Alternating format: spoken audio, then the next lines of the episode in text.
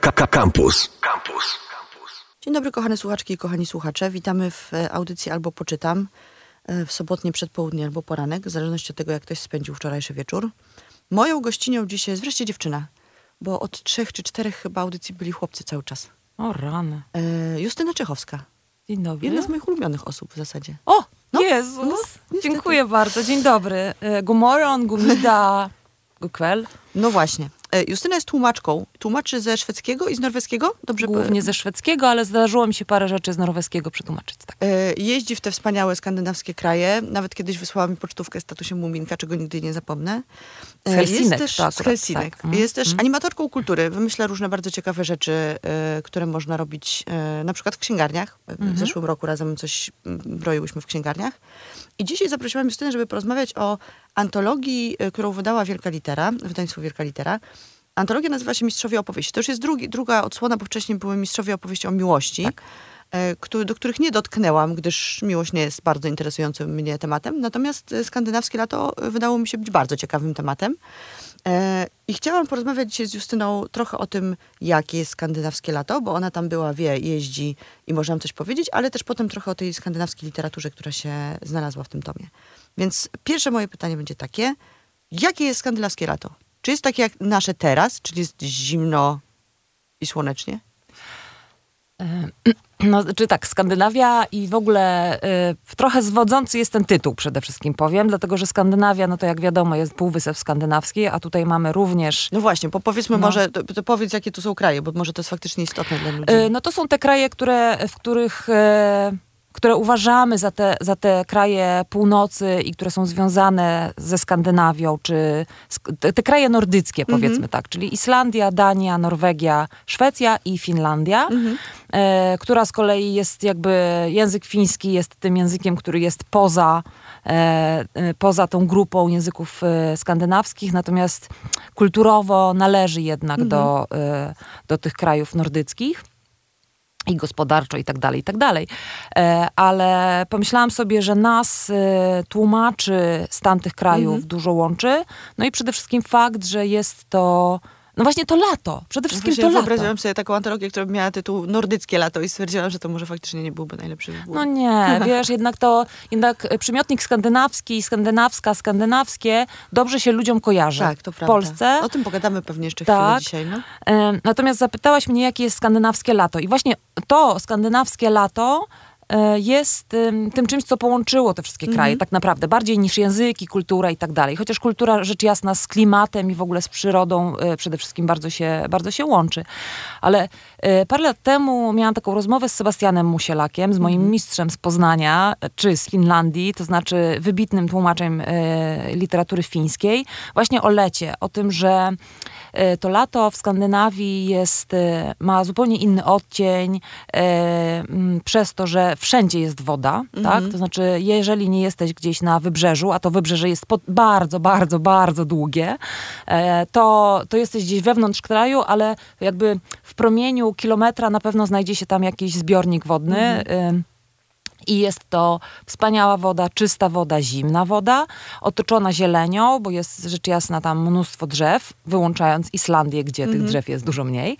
No ale na Półwyspie Skandynawskim jest jednak tych drzew dużo, więc jakby to, y, to powietrze w ogóle latem e, w, w Skandynawii czy na północy jest niezwykle przesycone właśnie zielenią tego, tych gęstych lasów wszędobylskich i, e, i wody. To jest bardzo ważne. Ale to, co właściwie jest jeszcze ważniejsze dla tego lata, to jest, e, to, jest to, co ludzie tam stworzyli, to znaczy kult światła. Tak? Znaczy nie tyle powietrza przezroczystego i odcieni tam zieleni i błękitu, tylko to, jak e, Skandynawowie pot, potrafią celebrować światło. E, I to nie, wiesz, to jest jakby to, czy jest ciepło, czy zimno, jest mniej ważne dla nich. Ważniejsze jest to, że właśnie nastała ta pora, te trzy miesiące, kiedy tego światła muszą się nachapać, tak? Naprawdę e, muszą e, je, i, i potrafią je celebrować, spędzają bardzo dużo czasu na zewnątrz. Faktycznie ten mit o, o Skandynawach, którzy nawet jeżeli pada deszcz i wieje i to lato wcale nie jest takie ciepłe, spędzają czas na zewnątrz, mm, nie jest w sumie takim dużym mitem czy legendą. Tak faktycznie jest. Tak? Zazwyczaj w, w te, to największe święto, czyli letnie przesilenie, tak zwane Midsommar, akurat po szwedzku tak się nazywa, no ale w innych krajach ma różne nazwy, ale właściwie ma te, to samo źródło, jest y, w niektórych y, miejscach na północy y, większym świętem niż Boże Narodzenie, tak? Jakby to, że dotarła tam kultura chrześcijańska wcale nie sprawiło, że to że to takie pogańskie święto straciło na, na wartości. Nie, ono często jest jakby łączone, e, jakby wieczór ten przesilenia, który właściwie nigdy się nie kończy, bo szczególnie gdzieś tam za e, kołem podbiegunowym faktycznie ta noc nigdy nie, nie zapada, ale ten wieczór i noc są e, przypisywane do kultury pogańskiej i hucznie celebrowane, a następny dzień, to znaczy ten dzień świętego Jana, czyli 25 czerwca jest już świętem chrześcijańskim, o ile w ogóle ktokolwiek tam chodzi do kościoła i, i te święta powiedzmy e, uprawia. Nie? Natomiast e, to celebrowanie światła, dnia, e, słońca i wszystkiego, co z tego wynika, jest naprawdę jak, jakimś takim potwornie, potwornie ważnym elementem kultury skandynawskiej. I trochę... Mm, I tro, trochę może pomyślałam sobie, że za mało o tym wiemy, mhm. dlatego że Skandynawia kojarzy się przede wszystkim tymi tam, nie wiem, reniferami, które chodzą po ulicach. Wydaje mi się, że mało wiemy tak naprawdę o kulturze no wiemy trochę więcej, wiemy trochę więcej, ale wiesz, to jest trochę tak, że wiemy wybiórczo, mhm. prawda? No bo e, owszem, znamy Astrid Lindgren, ale to jest z kolei taki kraj, e, taka kraina baśniowa mhm. trochę. Wydaje nam się, że już tak, tak nie jest.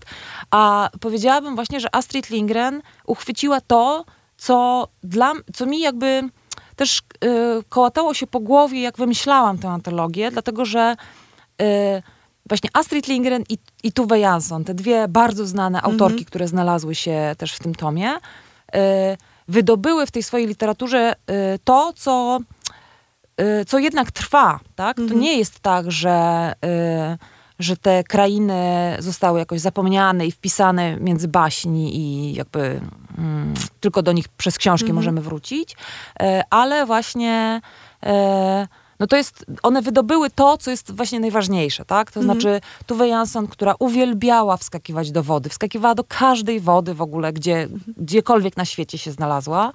E, uwielbiała pływać, celebrowała lato. Właściwie to lato ona zaczynała często w kwietniu, kiedy jeszcze lody nie puściły nawet, ale już wiadomo było, że zbliża się wiosna, że jest coraz jaśniej i ona wtedy wyruszała na tą swoją wyspę mhm.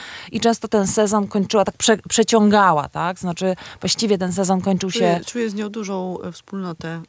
No więc właśnie ja też, wiesz, i chciałam to, y, to przede wszystkim pokazać. Ona przeciąga to, y, ten sierpień jest dla niej bardzo ważny, no bo w sierpniu ona się urodziła, więc jakby cały miesiąc to, jest, to są jedne wielkie urodziny te, na tej mhm. wyspie, ale ona to przeciąga jeszcze tam do września, prawda, kiedy to słońce już naprawdę jest... Mm, coraz niżej nad horyzontem. Mm -hmm. No i tak samo Astrid Lindgren, tak? Jak przypomnimy sobie e, chociażby wszystkim znane, bo czytane wciąż w szkołach jako lektura dzieci z Bullerbyn, no to, y, to tam najwięcej przygód dzieje się latem, tak? Mm -hmm. e, no więc to lato jest naprawdę super ważne i, y, i okazało się też, że nie tylko super ważne, ale też bardzo różnorodne. -hmm. Bardzo różnorodne. Ale bo powiedziałaś o Tuve Jansson i o... Astrid Lindgren, mamy tutaj też Andersena, ale to nie jest absolutnie tom opowiadań dla dzieci.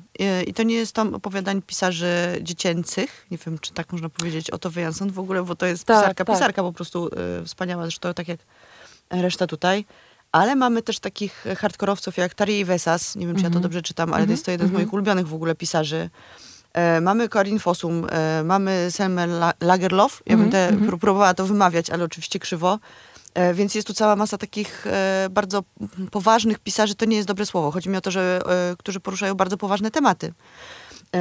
A o, jakby, to, co mnie zmyliło i pewnie zmyli też Państwa, jak Państwo zobaczą Mistrzów Opowieści Skandynawskie Lato, to jest taka ładna, żółta książka z takim okrągłym obrazkiem wybrzeża z, z łódeczką i parasolami biało-czerwonymi. Natomiast w środku są opowiadania, które po prostu doginają nas e, do ziemi, bo są bardzo e, takie ciężkie gatunkowo, doskonałe. Ja w ogóle jestem wielką fanką skandynawskiej prozy i bardzo się cieszę, że przez ten e, tom poznałam nowe pisarki, nowych pisarzy, o których w ogóle nie słyszałam. Czy ty możesz powiedzieć, bo ja sobie połamię język, kogo mamy takiego nieznanego Polakom, żeby sobie ludzie mogli gdzieś to tak wbić do głowy w tym tomie? E, znaczy, wydaje mi się, że przede wszystkim e, bardzo mało e, znamy tę odległą Skandynawię, znaczy da, dawną, dawniejszą. E, dlatego zależało mi bardzo, żeby oprócz właśnie Selmy Lagerlöf, dlatego że na początku wiosny ukazała się biografia Selmy Lagerlöf, o której dosyć dużo się mówiło w moim tłumaczeniu. Nowoczesna Szwedka i to jest taka biografia, która pokazała zupełnie inne oblicze tej pani, którą też wsadzono między baśnie trochę bardzo niesłusznie, bo w Polsce głównie, głównie znana, w Polsce i na świecie jest głównie znana przez cudowną podróż. Mm, Natomiast ta biografia pokazuje ją zupełnie inaczej i pomyślałam sobie, że będę teraz tak przemycać Selmę Lagerlöf e, w każdym e, możliwym, e, przy każdym możliwym, przy każdej możliwej okazji, tak? I tutaj właśnie nadarzyła się taka okazja, kiedy, kiedy Selma, która też uwielbiała lato, tym, szczególnie wtedy, kiedy odkupiła posiadłość rodzinną i, i założyła ogród i mogła faktycznie tym latem jakoś się rozkoszować i wykorzystywać je przede wszystkim. No to tutaj, tutaj jest. E, Jest być może znany, a a na pewno e, publikowany wcześniej e, w Polsce e, Stig Dogerman i niedawno opublikowany w wydawnictwie poznańskim w serii skandynawskiej Sylwester. Ale Czyli są tu poparzone dziecko, tak? To jest to? Poparzone dziecko to jest Stiga Dogermana, a Sylwester to A, jest okej. e, e, niebo w kolorze siarki, tak? E, Taka e, bardzo... I to jest bardzo ciekawy autor. W ogóle musimy tu trochę autor. chyba pochwalić e, mm, wydawnictwo poznańskie za to, że w ogóle wykonuje wielką pracę też, żeby tą literaturę skandynawską jakoś nam przybliżyć. Cała ta seria skandynawska jest doskonałą serią tak naprawdę. Tam się nie zdarzają Tak. gorsze książki. Tak, tak, to prawda. E, Natomiast e, muszę powiedzieć, że y, równie dobrą robotę robi wydawnictwo Marpress, które od paru lat wydaje e, serię Bałtyk. Tak, to prawda, prostu... ale oni jakoś tak mam wrażenie, że się nie mogą promocyjnie trochę przebić, bo, bo dopiero jakoś ostatnie dwie czy trzy książki, mam wrażenie, tak wyszły e, szerzej do ludzi i się okazało, że to wydawnictwo istnieje, że te książki są świetne, bo mam wrażenie, że te, te dwa czy trzy lata temu niewiele osób w ogóle słyszało o tej serii. No tak. No bo- Niesłusznie oczywiście, tak, bo też jest niesłusznie, świetna. Mhm. Tak, jest świetna i jest to inna niż seria poznańska, dlatego że w serii Bałtyk Marpress pokazuje przede wszystkim takie e, niekoniecznie wybitnych e, pisarzy Mhm. i niekoniecznie tych najważniejszych, ale szuka takich po prostu bardzo dobrych opowieści. Więc jeżeli Mhm. ktoś chciałby spędzić na hamaku e, kilka fajnych chwil, no to na pewno powinien sięgnąć po tą serię. No ale wiesz, to też jest nie, jeżeli mówisz o promocyjnym niepowodzeniu, to to już wynika to z tego, że po prostu wydawnictwo Marpress to są raptem trzy osoby, Tak, a tak, wydawnictwo tak, wiem poznańskie, oczywiście. no to to Mhm. jest tak, to jest duży moloch. Ale wracając do twojego pytania, to właściwie trudno jest mi powiedzieć, kogo bardziej czytać, a kogo mniej. Natomiast z takich, e, na pewno zwróciłabym uwagę na e, Finów i Finki.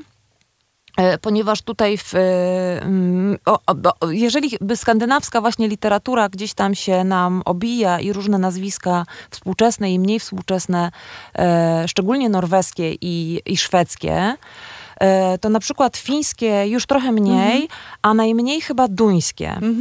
Też mam takie wrażenie, tak. że to jest takie najbardziej, najwięcej tych nazwisk było dla mnie zupełnym w ogóle zaskoczeniem. Tak, i to jest wielka szkoda. Mhm. I to jest wielka szkoda, ale ja myślę, że, to, że na to przyjdzie też czas. Nie? No i w związku z tym e, z duńskich nazwisk jestem bardzo dumna, że do tego zbioru udało się e, mm, dołączyć e, Dorte Nors, Mhm. która jest bardzo ważną współczesną pisarką duńską i Naja Marie Ait, która jest absolutną mistrzynią krótkiej formy i, i na pewno należy na nią zwrócić uwagę, bo Tuve Ditlevsen już poznaliśmy. Tak, Tak? dzięki trylogii kopenhaskiej. Tak, natomiast tutaj y, ja znalazłam w takiej właśnie w tej dawnej serii skandynawskiej wydawnictwa poznańskiego. E, mm, oni wydawali właśnie też antologię, tylko że oni wydawali to nar- narodami, tak? Czyli jest antologia duńska, antologia norweska i antologia szwedzka i później fińska i jeszcze islandzka. I w tej duńskiej znalazłam e, bardzo piękne opowiadanie Tuve Ditlevsen, które właśnie tutaj zostało prze, e, przedrukowane. E, z fińskich absolutną must read jest Rosa Liksom. Mhm. E, bo to jest wybitna e, pisarka, o której z pewnością usłyszymy jeszcze nie raz. E, dla, też dlatego, że ona tworzy scenariusze do filmów. Ostatnio powstał film, który się nazywa chyba Przedział szósty, tak się nazywa. I, on, I to jest film o, bardzo wspaniały film, y, który zresztą był pokazywany na kilku, e, na kilku festiwalach i jestem pewna, że w, że w pewnym momencie będzie u nas również pokazywany. Z Finów przepiękna absolutnie e, historia e, Rai Sikinen, która jest tutaj akurat w Mhm. przekładzie Sebastiana Musielaka. Ale też zwróciłabym uwagę na dwie albo nawet trzy, trzy ob, obok e, Selmy Lagerlöf e, pisarki przełomu XIX i XX wieku. Bo trochę tak zależało mi na tym, żeby, żeby faktycznie ta antologia była jak najbardziej różnorodna. Właśnie też dlatego, żeby pokazać ten, to lato na przestrzeni faktycznie dekad, tak? Że to... i, I tutaj akurat udało się e, zarówno dołączyć opowiadanie Cory Sandel, jednej z najważniejszych, Cory Sandel i Amelie Skram. To są dwie najważniejsze e, pisarki norweskie e, końca XIX No wieku. to Cora Sandel to jest moje odkrycie z tego tomu, bo Tak. ta, ta, wy- wynotowałam sobie Dziecko, które kochało drogi. Tak.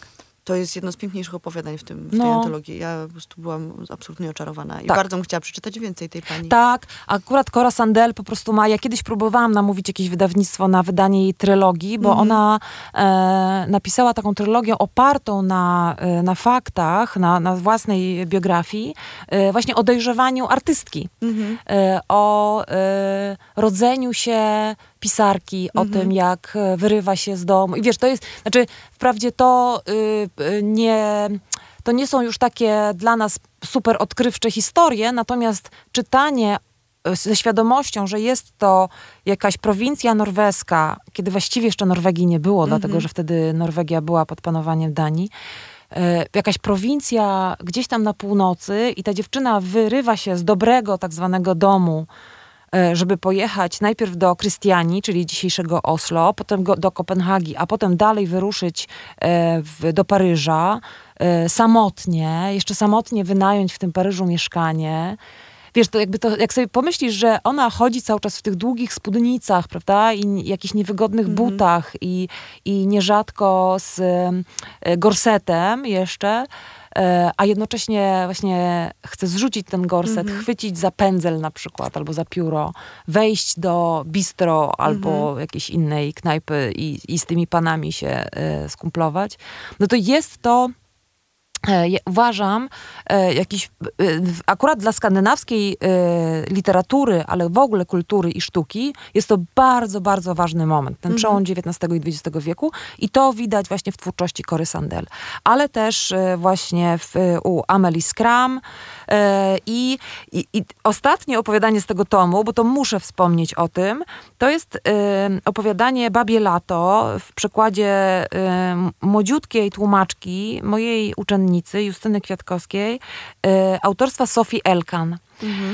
I to, e, to jest, e, Sophie Elkan to jest życiowa partnerka Selmy, Selmy Lagerlöf. E, Jeżeli ktoś właśnie czytał tę biografię, albo przynajmniej zajrzał do niej, no to no to, to nazwisko rozpozna. Ono w Polsce właściwie zupełnie nie jest znane, nie, było, nie była nigdy ta, ta pani drukowana. Natomiast ciekawostka jest taka, że kiedy, że ona była e, 11 lat starsza od Selmy, i kiedy one się poznały, Sophie Elkan była właśnie pod koniec XIX wieku, ta, ta, ta, ten, ten fin de siècle, tylko że właśnie nie na kontynencie, tylko w Skandynawii. Kiedy one się poznają w Sztokholmie pod, w latach 90. XIX wieku, Sophie Elkan jest bardzo znaną i poczytną e, pisarką. A Selma właściwie dopiero wydała swój debiut. Nie? Więc to jest tutaj taka, taka ciekawostka. I takich ciekawostek, jeżeli ktoś lubi y, doczytać jeszcze po przeczytaniu y, takiej antologii, na pewno znajdzie więcej, myślę No właśnie, sobie. bo to jest, e, bo są takie antologie, które generalnie wystarczą jako całość, e, mam wrażenie. W takim sensie, że no, przeczytamy sobie te opowiadania, pójdziemy dalej. A tutaj faktycznie być może dlatego, że ja jednak e, lubię tę, tę literaturę skandynawską, mam tak, że sobie wynotowałam nazwiska e, i też czu- czuję, że są jakieś takie tropy i takie ścieżki, którymi trzeba było podążać. I jednym z takich, e, e, nie nazwisk, bo może nazwiska zostawmy, bo oczywiście to, że e, to, co ci powiedziałam przed e, nagraniem, że opowiadanie Tove Jansson to jest po prostu jakiś mind blow, bo to jest tak wielka metafora, po prostu wspaniała, życiowa i tak naprawdę nie, nie do końca wiadomo czego, bo może być różnych rzeczy, Mhm, że powinnam to przeczytać jeszcze raz i jeszcze raz i dopiero e, ułożyć sobie w głowie, e, co tak naprawdę o tym myślę. Przepiękne opowiadanie, które się nazywa, uwaga, Duża plastikowa kiełbasa. Tak. To nie jest jakimś bardzo takim e, zachęcającym tytułem opowiadania. Wiem, wiem, no, ale niestety ona się tak nazywa, no. Tak, ale absolutnie jak przeczytamy e, opowiadanie, to wiemy o co chodzi, więc zachęcam. E, bardzo mi się jeszcze spodobało opowiadanie Karin Posum, A, Filar, które tak. jest, no, nie, nie Mm. będę oczywiście spoilerować, ale jest takie, że zamiera jakby krążenie na chwilę, jak się je czyta. E, I doczytałam, że to jest autorka kryminałów. Tak, Corinne Fossum jest bardzo znaną, wydawaną w Polsce od wielu lat autorką kryminałów, więc jeżeli ktoś kryminałem, a szczególnie skandynawskim, norweskim, e, jakoś tam się zachwyca, to na pewno to nazwisko rozpozna. No tak. widzisz, ja się w ogóle nie zachwycałam, a teraz wiem, że Tak. będę musiała przeczytać jej książkę, bo skoro jedno opowiadanie e, było w stanie mi wprowadzić w takie drżenie Mhm, po prostu wewnętrzne, no to absolutnie sięgam po książkę. To, co mnie zastanowiło w tych e, opowiadaniach, to jest to, że bardzo dużo tych opowiadań mówi o dzieciach. Albo bezpośrednio, albo pośrednio, ale jest, e, wyłapałam tam taki powtarzający się motyw leżenia na brzuchu i wąchania trawy albo ziemi. Mhm. On się pojawia, nie wiem, czy nie kilkanaście razy w ogóle w tych opowiadaniach. I zastanawiałam się, czy to jest tak, że to lato to jest domena dzieci, że dorośli już nie mają takiego dostępu do tego lata i nie potrafią się nim tak cieszyć. No bo z jakiegoś powodu te dzieciaki tu są e, w różnych oczywiście konfiguracjach, ale są wszechobecne trochę w tym e, tomie opowiadań, mimo że zaznaczam to po raz e, kolejny, nie są to opowiadania dla dzieci i nie są to opowiadania nawet dla młodzieży, bo, no bo są jednak mimo wszystko nie wszystkie mm, wesołe jasne. Wiesz co, to ciekawe, co ciekawe, co mówisz. E, chyba tak nie myślałam Mhm. o tych opowiadaniach, ale teraz jak zadajesz to pytanie, to e, no to na prędce ułożę teorię, Mhm. ale myślę, że ona ma w, będzie miała i tak, i tak w sobie sporo e, prawdy czy racji. No wiesz, faktycznie jest tak, że to właśnie, że dzieci mają wakacje, a my Mhm. dorośli często nie mamy wakacji, tak? My mamy ileś tam płatnego urlopu, a później wracamy do roboty. I u tej Kory Sanders się właśnie to pojawia, że ci dorośli są tacy, e, no nie, nie, nie potrafią jakby żyć za bardzo, nie? Że nie potrafią e, odpuścić Tak. i pójść sobie na spacer drogą albo pobiegać. W ogóle nie potrafią biegać, to jest w ogóle wspaniałe w Tak, tym opowiadaniu, tak, że ona mówi, tak. że dorośli nie biegają, w ogóle nie potrafią tego robić. No. Przez te długie spódnice. Tak, tak. E, I to jest wspaniałe, bo to e, być może faktycznie jest prawda, że po prostu my, znaczy ja się nie, nie, jakby nie zaliczam tak wewnętrznie do zbioru dorosłych. Nie wiem, jak u ciebie. Jak No ja lubię biegać. Ja, właśnie ja też I lubię też lubię leżeć i wąchać trawę. I nie noszę długich spódnic, więc myślę No. sobie, że my jeszcze zostałyśmy w tym, No. w, tej, w tym zbiorze dziecięcym, ale może faktycznie jest tak, że trzeba być dzieckiem, żeby się tak naprawdę cieszyć tym latem. E, Myślę, że tak, wiesz, dla, dla wielu dorosłych, jak rozmawiam często z e, dorosłymi, szczególnie e, takimi dorosłymi, którzy są rodzicami i którzy muszą zorganizować dzieciom wakacje, e, to tak sobie myślę, że, że to jest... Wiesz, no ja mam ten komfort, że ja pracuję e, sama w domu i właściwie mogę pracować niekoniecznie w domu, ale gdziekolwiek, więc ja faktycznie mogę, jakby jestem panią mojego czasu i panią moich wakacji i panią tego lata, więc ja mogę faktycznie... Pamiętam, to to było takie przyjemne. Tak, ale wiesz, ale myślę sobie, że wiele osób dorosłych właśnie jest... Y, nie dość, że zaplątane w konwenanse, to jeszcze y, właśnie ograniczone czasowo i jeszcze myślę sobie, że dzisiaj szczególnie wplątane w jakiś taki, w takie ramy e, wiesz, zapewnienia dzieciom i sobie zorganizowanego czasu. Bo jeżeli mamy tylko te cztery tygodnie urlopu, to musimy te cztery tygodnie wykorzystać właśnie nie na leżenie i na wąchanie trawy. Mhm. E, Tylko wiesz, aktywnie wykorzystać. tylko wykorzy- wiesz, to musi być, nawet jeżeli będziesz faktycznie leżał, może wąchał trawę, a może nie, ale leżał na tej trawie, to musisz mieć zawczasu zorganizowane, gdzie to będzie, Mhm. opłacone, zabukowane i No tak, wiesz, rozumiesz? Jakby jest, jest bardzo dużo tych takich operacji, mm, które całą tę magię jakby gaszą, Mhm. tak? Przy, albo przynajmniej e, przyciemniają ją. E, nie ma tej, em, tej takiej swobody, no, takiej totalnej swobody, tak? Takiego wyjścia y, z tego myślenia o tym, co zrobić, jak zrobić, kiedy zrobić i kiedy to się skończy i po prostu bycia, a dzieci y, często potrafią właśnie y, po prostu być, tak? Tak. I nawet właśnie to, co, to, to, to czym się, co mnie jakoś zahaczyło w tych opowiadaniach, bo one w ogóle wyzywają trochę, w, no nie wszystkie, ale one wyzywają do tego, żeby wyjść, żeby popływać. E, Ja w ogóle miałam jakieś takie ogromną ochotę po prostu jechać. Pie- chyba pierwszy raz w życiu.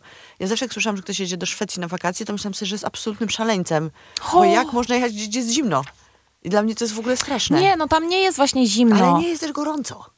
No ale w Polsce też nie jest gorąco No, dlatego zawsze. trzeba na południe. Ale potrafi być gorąco. Ania, no mówię ci, no, wiesz, przeżyłam w Szwecji nie jeden upał. E, szczególnie, na, szczególnie na północy. E, wiesz, i jest to, ja bym powiedziała, że, że ten, właśnie ten upał, ja z kolei jestem osobą, która e, nigdy latem nie pojedzie na południe, e, ponieważ dla mnie po prostu e, temperatura e, powyżej 27 stopni to już jest mało komfortowa temperatura, wiesz. I jak. Ja pierwszy raz... sweter. Przestań. Jak wiesz co, jak, jak e, pierwszy raz i ostatni weszłam do morza we Włoszech w sierpniu do morza i poczułam, jaką temperaturę ma ta zupa, to stwierdziłam, że to jakby. Jakby, jaki jest sens wchodzenia do morza? Przecież ono zupełnie nie chłodzi. Natomiast ta, ta, ta różnica temperatur między powietrzem, które naprawdę potrafi być bardzo ciepłe w Skandynawii, szczególnie na północy, kiedy te, to słońce jest e, bliżej Ziemi, e, świeci dużo dłużej też, to, e, no to faktycznie ta woda chłodzi, tak? E, I, I taki jest sens wchodzenia w ogóle do wody. Tak Koncepcja sobie myślę. jest mi bardzo nie, nie, obca. ale wiesz, przede wszystkim, e, znaczy na pewno to jest mit, że, że jest zimno, Mhm. na pewno tak nie jest. E, bywa naprawdę upalnie i przepięknie. E, no i ja po prostu uważam, że e, że to przede wszystkim to powietrze i ta przejrzystość Mhm. powietrza.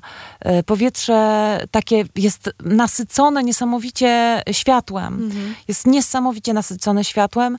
Wiesz, no nie byłam wszędzie na świecie, ale na pewno e, powietrze na południu Europy jest, e, no nie jest takie mm, Klarowne. no o, o, Bo o, klarowne. Pył. Tak, to prawda. Ale wiesz, pył nie pył, ale tam nie ma, to światło jest I zupełnie sepia. inne. Se, No tak, sepia. tak, no, tak, z jakiegoś tak. powodu przecież te wszystkie e, filmy, które oglądamy o po, południu Francji i południu Włoch i w ogóle o, o całym tym śródziemnomorzu. Tak, tak się mówi? tak, Nie mówi tak. się tak chyba. Śród... No dobrze, nieważne. Basenie Morza Śródziemnego. Tak. Tam jest faktycznie wszystko w, lekko w kolorze, kolorze sepii, przez ten, właśnie przez kąt padania światła i przez ten pył, moim zdaniem, też który się trochę unosi. No tak, ale też jest przez to, inaczej, są że tam, barwy. tak, tylko że wiesz, również z pewnością przez to, że basen Morza y, Śródziemnego był y, i nadal jest bardzo zabudowany. Mhm, to Wiesz, to tam y, natomiast Skandynawia jednak ma tę przyrodę taką naprawdę bujną, tak. I, I ta przyroda w ogóle tak, w opowiadaniach, nawet tych takich, które doginają, e, jest przepięknie opisana, e, opisana przyroda. Jest tak opisana, że człowiek w zasadzie widzi, nie będąc tam nigdy, jest w stanie wyobrazić sobie z dużą dokładnością to, co e, widzi przed oczami e, pisarka albo pisarz.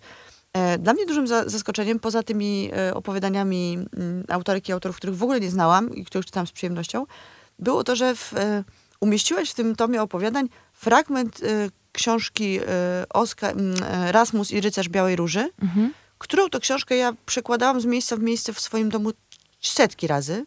Moje dziecko słuchało tego w audiobooku tej książki. Ja pamiętam zakończenie bardzo dobrze, bo jakoś mnie wzruszało. Natomiast nigdy nie sięgnęłam po tę książkę. Nie wiem dlaczego. I przez ten fragment, który przeczytałam, który jest przepiękny, jest naprawdę, i właśnie zaczyna się, znaczy nie, tam też jest motyw kładzenia się na trawie i, i wdychania tego e, zapachu korzenno e, który tam jest. E, I to się też kojarzy z takim bezpieczeństwem i z, takim, z taką no, głęboką przyjemnością w ogóle fizyczną. E, I pomyślałam sobie, że trochę mi odkryłaś z powrotem tego e, Rasmusa i Rycerza Białej Róży i trzeba będzie chyba to po prostu przeczytać teraz. Na stare lata. I tak samo jest tutaj z Andersenem i tak samo jest akurat Tove Jansson, to, ten, to opowiadanie z tomu Lato. Ja tą Lato bardzo lubię i, i, i czytam go już wielokrotnie i właśnie dlatego, że jest cały prostu, e, wiadomo, że Tove Jansson była absolutnie genialna i tam jest wszystko metaforą w zasadzie. Niezależnie od tego, co ona pisze. To jest e, prosta historia, wydawałoby się, e, dziewczynki, która mieszka z tatą i z babcią na wyspie, a tak naprawdę te trzy osoby i ta wyspa to jest e, pretekst do tego, żeby opisać w zasadzie cały kosmos znaczeń. Tak, tak, tak. E, więc A to jest bardzo- książka, która w tym roku obchodzi 50. urodziny. No właśnie też E, musimy tak. wymyślić z tym, myślę. Mhm. Jakie zrobić urodziny e, lecie. Lata. urodziny lata. No. E, Powiedz mi w takim razie, już trochę o tym powiedziałaś, ale to też jest coś, co mnie interesuje. E, Jak ty wybierałaś opowiadania do tej antologii? Bo to jest w ogóle twoja antologia. W sensie ty ją ułożyłaś, ty wybrałaś do niej Mhm. opowiadania. E, Nie, nie przetłumaczyłaś oczywiście wszystkich, Tak. bo, bo to jest niemożliwe. E, Natomiast przetłumaczyłaś część z nich. Jaki miałaś klucz, oprócz oczywiście tego oczywistego, który jest zawarty w tytule, czyli skandynawskie lato? E, już powiedziałaś trochę o tym, że chciałaś różne dekady pokazać i, i różnych, różne pisarki, różnych pisarzy. Czy ty się kierowałaś własnym gustem? Czy to są rzeczy, które tobie się po prostu podobają? Czy, Nie, nie wszystkie, nie, nie, nie. Ja nie chciałam, bar bardzo nie chciałam, znaczy często autorzy antologii mają ten komfort, luksus, że pokazują to, co im się podoba. Mhm. Y, Gdybym miała taką antologię stworzyć, to pewnie wyglądałaby ona Antologia inaczej. Justyny Czechowskiej. Ta, wiesz, to, no, a tutaj Czech- zależało mi na tym no, tak. co? Znaczy, miałam, postawiłam sobie przede wszystkim e, takie granice i ramy, Mhm. i to były przede wszystkim ramy tych e, pięciu krajów. Mhm. E, w tym z kolei w, z Finlandii musiały być opowiadania pisane oryginalnie po szwedzku, Mhm. ale pochodzące z Finlandii, i to jest Tuve Jansson i Sylwester, e, ale też pisane po fińsku, e, więc musiałam ich w miarę równomiernie e, liczbę e, o, o, tutaj z, z każdego kraju ściągnąć, e, ponieważ fińska literatura jest mi najmniej znana i też islandzka, muszę przyznać. To poprosiłam e, po prostu ekspertów od tych literatów, r- czyli e, świetnych tłumaczy, e, o to, żeby zaproponowali jakieś opowiadania. Potem zależało mi oczywiście na tym, żeby był, byli i mężczyźni, i kobiety, to jasne, i osoby w różnym wieku, i tworzące w różnych momentach. Zależało mi właśnie na tym, żeby pokazać jakieś takie spektrum od, od właściwie od początku pisania prozy No na właśnie, dużą pierwsze skalę. opowiadanie to jest w ogóle y, bardzo wczesny tekst, y, że to przepiękny zresztą. Y, I to jest, y, czekaj, Tak, to jest romantyczny ten tekst. No właśnie, romantyczny tekst jeszcze. Pszczoła i mniszek, Mhm. tak? Mniszek i pszczoła. Tak, to jest romantyczny tekst, który właściwie jest spisaną jakąś legendą jeszcze pewnie dawniejszą, właśnie z, e, z Islandii. E, I co jeszcze? I wiesz... e, No i miałam to ograniczenie, żeby było 30 tekstów. Chciałam, żeby na początku był jakiś wiersz i Mhm. e, Mariusz Kalinowski przesłał mi przepiękny wiersz Harego Martinsona. Zależało mi na tym, żeby po prostu, wiesz co, nawet to, trudno jest powiedzieć, że to jest jakoś tam moja... e, No właśnie, to nie są wszystko moje opowiadania, ale zależało mi też na tym, żeby one na przykład były różnorodne gatunkowo, tak? Mhm. Żeby tutaj było i jakiś tam horror, i, i jakaś ba, i baśń, i, i jakiś dramat. E, Także e, jest to wypadkowa e, różnych... Nie ma e, na pewno nudy w tym tomie, to jest No właśnie- y, wspaniałe. tak wyszło, prawda? Mhm. Tak, tak, tak, tak, strasznie tak, fajnie się ułożyło, że nie ma tutaj nudy. Znaczy pewnie nie, nie pozwoliłabym na to, żeby była nuda, Próbuję ale znaleźć najkrótsze, najkrótszy tekst w tym tomie. A tak. Który był dla mnie wielkim zaskoczeniem, bo już który jest na wkręcona. 181 stronie. 181, no właśnie, bo ja tutaj przeglądam i przeglądam. E, to, drodzy Państwo, jest tekst, który autorka z Ale to Islandii... ty musisz powiedzieć, jak ona ma na nazwisko. A, tak, to jest Elizabeth Kristin e, Jökulsdottir, e, islandzka pisarka, która napisała opowiadanie specjalnie na potrzeby tego tomu. Naprawdę? Tak. E, Mhm. Jacek Godek, wybitny znawca literatury y, islandzkiej i jej tłumacz. E, Po, jak mu zaproponowałam, Jacek Godek jest po prostu pe bardzo pewną firmą. E, Na drugi dzień już przesłał mi propozycję co najmniej 10 różnych Mhm. opowiadań e, i zaproponował, że właśnie zwróci się do jednej z autorek o to, żeby napisała opowiadanie specjalnie na, Mhm. na potrzeby tego tomu. I powstało opowiadanie, które składa się z jednego zdania. To jest wspaniałe. To jest Przeczytasz w to ogóle- zdanie? Tak, bardzo chętnie. Elizabeth Kristin Jökulsdottir, Lato, nano powieść. Z islandzkiego przełożył Jacek Godek. Było lato. Zawsze było lato, kiedy się spotykali. Boże, To jest takie piękne. Prawda? Przy tym też się wczoraj popłakałam. Mówiłam Justynie, że ja się popłakałam chyba z 8 razy już na tym tomie Mm. opowiadań. A jeszcze nie skończyłam, muszę się przyznać, więc boję się, że będę jeszcze płakać więcej. E, ale też bardzo się cieszę, że, że dostaję nowe tropy e, literackie, bo to zawsze jest dla mnie bardzo przyjemne. E, no dobra, generalnie musimy pewnie powoli jakoś kończyć. E, jeżeli Państwo nie poczuli się zachęceni do, do przeczytania tej książki, to nie wiem, co jest z Wami nie tak, bo powiedzieliśmy wspaniałe rzeczy o niej. E, Jest to taki tom opowiadań, który można sobie swobodnie zabrać na wakacje i podczytywać, po, wiem, że to jest truizm, ale tak jest. I podczytywać po jednym, dwa opowiadania, bo też jak się czyta naraz, mam wrażenie, że dużo się traci, bo, bo to się zbija w taką, już taką papkę literacką. Ja sobie na pewno będę wracać do niektórych opowiadań. Specjalnie na przykład Tari- Tarieja Wesasa ominęłam, Aha. żeby sobie go przeczytać na koniec. Ale wielką zachętą, to muszę powiedzieć, No. e, wielką zachętą do właśnie zabrania tej książki na plażę, do hamaków, podróż i tak dalej, jest fakt, że uwaga, e, ma miękką okładkę. Tak, to Jest jest, leciutka. bardzo w ogóle doceniam Chociaż jest gruba. którzy robią takie rzeczy, bo mm, tylko ludzie, którzy nie czytają książek, mogą twierdzić, że wyda wydanie książki w twardej oprawie Mhm. w czymkolwiek pomaga. Jest to niewygodne, boli nadgarstek, wbija się w, e, w dłoń tutaj w środek i w ogóle jest niefajnie, więc wydawcy nie róbcie tego.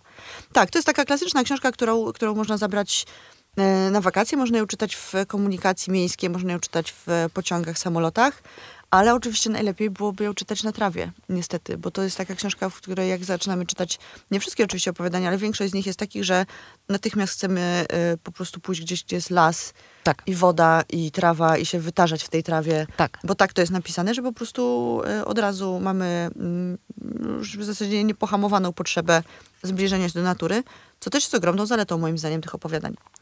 E, No dobrze, to powtarzamy jeszcze raz. To są mistrzowie opowieści skandynawskie lato. E, Wyboru dokonała Justyna Czechowska, która jest dzisiaj moją gościnią, a w zasadzie już trochę była, bo, bo przechodzimy do historii z tą, e, z tą audycją.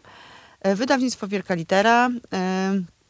To się ukazało dopiero co, prawda? Tak, tak. Więc mogą Państwo to kupić w księgarniach, nie w internecie, w księgarniach. Bardzo serdecznie polecam. Wiem, że teraz e, absolutnie wszyscy będą biegać do sklepów e, internetowych, e, księgarni, supermarketów i Bóg wie gdzie jeszcze, żeby kupić najnowszą powieść naszej noblistki. Z całego serca apeluję, kupujmy również inne książki, bo jest parę książek dobrych, poza książkami Olgi Tokarczuk, e, które się ukażą albo ukazały w e, ostatnich miesiącach. No ja tę, te, muszę powiedzieć e, tylko na koniec No. też, że, że w- te, pomysł na stworzenie tej antologii wpadł mi do głowy, kiedy byłam na wakacjach rok temu, w Szwecji zresztą, Mhm. gdzie coś podobnego, chociaż dużo marniejszego, muszę przyznać, Mhm. znalazłam właśnie w e, księgarni w Szwecji, taką właśnie antologię opowiadań na lato i pomyślałam sobie, że przygotuję dla Państwa antologię opowiadań ze Skandynawii Jak na zwykle lato. postanowiłeś o zrobić to po swojemu i lepiej. Tak. Bardzo dobrze, bardzo to doceniam. E, oczywiście w, postaram się wypisać te rzeczy, o których mówiliśmy, mówiłyśmy w opisie e, tego odcinka. E, bardzo zachęcam do śledzenia strony na Facebooku Audycja o książkach albo Poczytam, bo tam też będę wymieniała te rzeczy. No i co? I myślę sobie, idziemy gdzieś dalej e, spacerować po e, słońcu. Mm, A Was zachęcam do słuchania audycji za tydzień, bo moją gościną będzie znowu Justyna, tym razem Justyna Suchecka. I znowu będą, nie będzie zwartej książki, tylko będą rozmowy z różnymi ludźmi, ale będą to rozmowy moim zdaniem bardzo ważne, szczególnie dla rodziców e, dzieci takich około dwa- 10, 12, 13, 15 i wzwyż. Bardzo se- serdecznie Was zachęcam do tego, żeby mm, włączyć radio, odbiorniki, moje ulubione słowo, za tydzień o 13. Mm, No dobrze, to do usłyszenia w takim razie. A Tobie bardzo, bardzo dziękuję za to, że przyszłaś do mnie. Bardzo dziękuję i wszystkim Państwu i Tobie, Ania, życzę cudownego lata. O Boże, Leżenia na dobrze. trawie. Żeby było cieplej. Słuchaj Radio Campus, gdziekolwiek jesteś. Wejdź na www.radiocampus.fm.